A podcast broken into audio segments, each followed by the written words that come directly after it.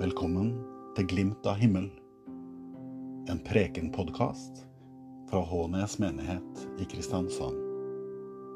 Her vil du høre de siste prekenene fra vår kirke. Vi håper at de er til inspirasjon og glede.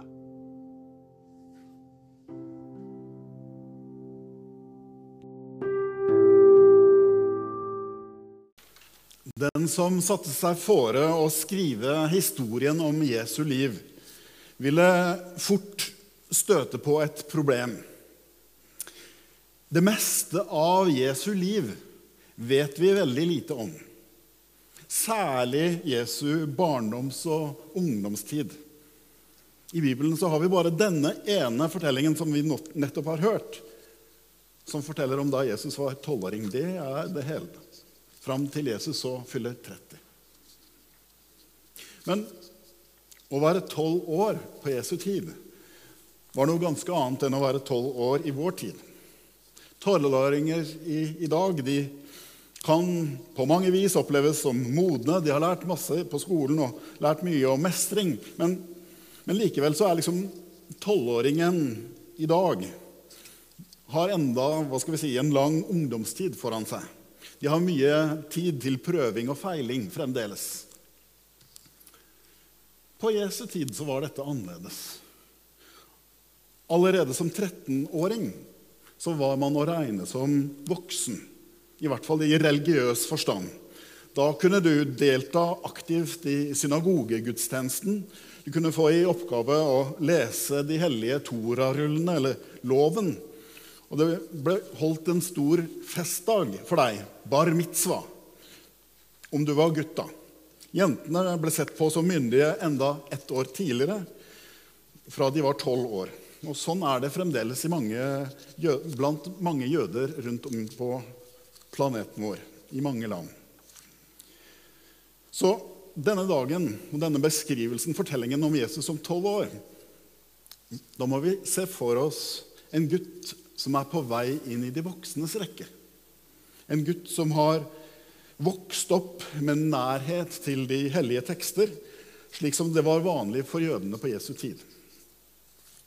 Eh, man hadde innen man var tolv år, lært en masse passasjer fra de hellige skrifter utenat. Og fra man var 13, så var man ikke bare forventet til å være en religiøs deltaker på linje med de andre medlemmene i det jødiske samfunnet, men man var også på et vis ansvarliggjort. Fra man var 13, så hadde man selv også ansvar for å holde tradisjonen levende på et vis, både innad i familien og i lokalsamfunnet. Så om noe hadde skjedd med Josef, så var det Jesus som den førstefødte mann som måtte ta over ledelsen av familiens rituelle liv og lede bordbønnen lede høytidsfeiringen, f.eks. Inntil videre så var det Josef som hadde denne rollen, og som holdt dette i Jesu familie. Og Josef hadde altså sørget for at familien hvert år dro til Jerusalem for å feire påske der. Om vi skal forstå det som skjedde i denne fortellingen som Bibelen, leser, Bibelen forteller oss, så må vi, vi si, også skjønne hva skal vi si, reiseskikkene på Jesu tid. Um, hvordan var det mulig at dette kunne skje? At det kunne gå så lang tid før Maria og Josef oppdaget uh, at Jesus var borte? Vel, det handler nok om reiseskikkene. Det reisefølget som det står um, i Bibelen, det beskrives ofte som karavaner. Eh, vanligvis så reiste en hel landsby sammen til de store høytidene. Og når man la ut på langtur den gang, slik som fra Jerusalem til Nasaret, som jo var ca. ti mil, så delte man seg ofte i to grupper. Kvinnene gikk først i flokk og følge, ledet an og hadde sikkert ansvaret for å skaffe innkvartering og mat når kvelden kom, liksom. Mens mennene dannet baktroppen og sørget for å få med seg alt, og tok det kanskje litt mer bedagelig, vil jeg tro. Sånn var det sannsynligvis. Men da ble det alt annet enn bedagelig da Josef skjønte at han hadde glemt igjen sønnen sin i Jerusalem. Og sannsynligvis så skyldte de på hverandre. Josef skyldte på hadde trodd Jesus var hos Maria. Og Maria hadde sikkert tenkt at Jesus var hos Josef. Ganske gjenkjennelig, for så vidt. Hva så med Jesus, som endte opp med å bo flere dager uten mamma og pappa i Jerusalem, i storbyen? I hvert fall var Jerusalem en storby i forhold til Nasaret. Kanskje overnattet han hos en kamerat. Kanskje sov han ute i tempelets forgård. Hva tenkte han på? Savnet han foreldrene? Det sier fortellingen ingenting om. Den formidler bare en klandrende setning fra Maria som eh, er gjentatt av eh, fortvilte foreldre til alle tider. 'Barnet mitt, hvorfor har du gjort dette mot oss?' 'Din far og jeg har lett etter deg og vært så redde.' Jeg vet jo ikke helt hva som har skjedd. Men jeg må innleve at jeg tenker ofte at kanskje hadde Jesus en av sine flotteste opplevelser denne påsketiden.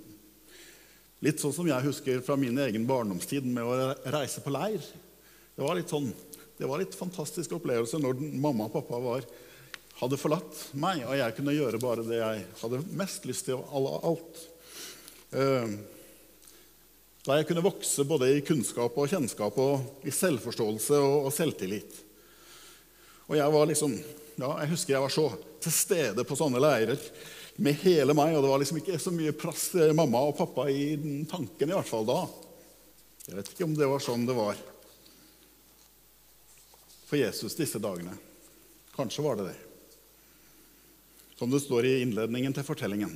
Og gutten vokste og ble sterk, fylt av visdom og Guds nåde var over ham. I hvert fall tenker jeg at dette var nok tiden da Jesus lærte nye ting om seg selv. Stadig nye brikker falt på plass. Og kanskje var det nå, egentlig like før han ble voksen, at han skjønte at han var Guds sønn. At han var Messias. Frelseren. Det må ha vært en enorm liksom, erkjennelse da, å ta inn over seg. Et enormt hav av bilder og fortellinger som har Og det var ett sted på kloden, ett sted, hvor det var lettere å forstå dette enn noen andre. Og det var nettopp tempelet i Jerusalem. Der møtte de mest lærde til undervisning, til utlegning og til samtale. Og det er selvfølgelig her de finner ham etter tre dager. Egentlig snakker Maria til sønnen sin som hun snakker til et lite barn. 'Barnet mitt, hvorfor har du gjort dette mot oss?' Og Jesus svarer henne som en voksen. Hvorfor lette dere etter meg? Visste dere ikke at jeg må være i min fars hus? Men Maria og Josef forstår, det, forstår han ikke. Men det er en interessant avslutning likevel. Vi kunne sett for oss at Jesus etter denne dagen på en måte hevet seg over Maria og Josef og frigjorde seg fra dem, frigjorde seg fra måte, dem som ikke forsto ham. Men det var ikke det som skjedde. Det står isteden han ble med dem hjem til Nasaret, og han var lydig mot dem. Men hans mor tok vare på alt dette i sitt hjerte. Og Fortellingen slutter som den begynner, med fokus på Jesu vekst og modning. Og Jesus gikk fram i alder og visdom. Han var til glede for Gud og mennesker.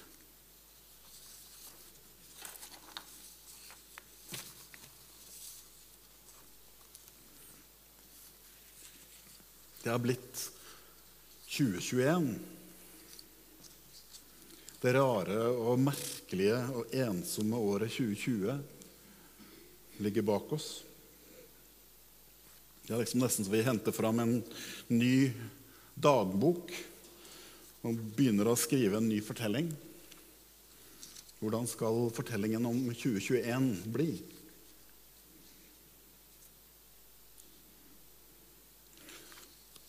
Når jeg tenker på meg selv, så vil jeg at dette året skal bli til vekst og modning. Det er det jeg håper på. For meg som kristen, som, som prest, som ektefelle, som pappa, som medmenneske.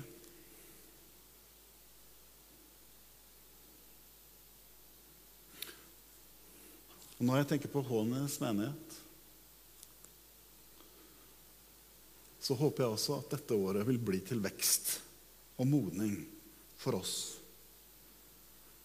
At vi sammen dette året kan vokse i erkjennelse av hvem vi er som Guds barn og Jesu venner. At vi kan vokse i vår bekjennelse av hvem han er. Både barnet i krybben og mannen på korset. Også at vi kan vokse i vår praktisering av tro, håp og kjærlighet her i vår, vårt nabolag og i vår bydel. Sånn håper jeg at 2021 kan bli for oss alle. Og Derfor skal jeg avslutte med å lese den flotteste bønnen om vekst og modning som jeg vet om, og som står i Efreserbrevet kapittel 3. Bla gjerne fram hvis dere, når dere kommer hjem, og åpne opp den flotte bønnen og les den for dere selv. Det er en flott bønn om styrke og innsikt. Det står slik Derfor bøyer jeg mine knær for Far, Han som har gitt navn til alt som kalles Far i himmel og på jord. Må Han som er så rik på herlighet, gi deres indre menneske kraft og styrke ved sin ånd. Må Kristus ved troen bo i deres hjerter, og dere stå trofast, rotfestet og grunnfestet i kjærlighet. Må dere sammen med alle de hellige bli i stand til å fatte bredden og lengden, høyden og dybden. Ja, kjenne Kristi kjærlighet som overgår all kunnskap. Må dere bli fylt av hele Guds fylde han som virker i oss med sin kraft og kan gjøre uendelig mye mer enn det vi ber om og forstår. Han være ære i Kirken og i Kristus Jesus gjennom alle slekter og evigheter. Ære være Faderen og Sønnen og Den hellige ånd, som var og er og blir en sann Gud fra evighet til evighet.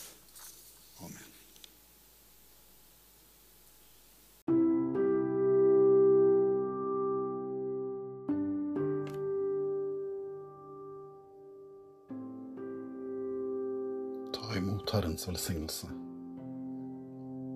Herren velsigne deg og bevare deg. Herren la sitt ansikt lyse over deg og være deg nådig.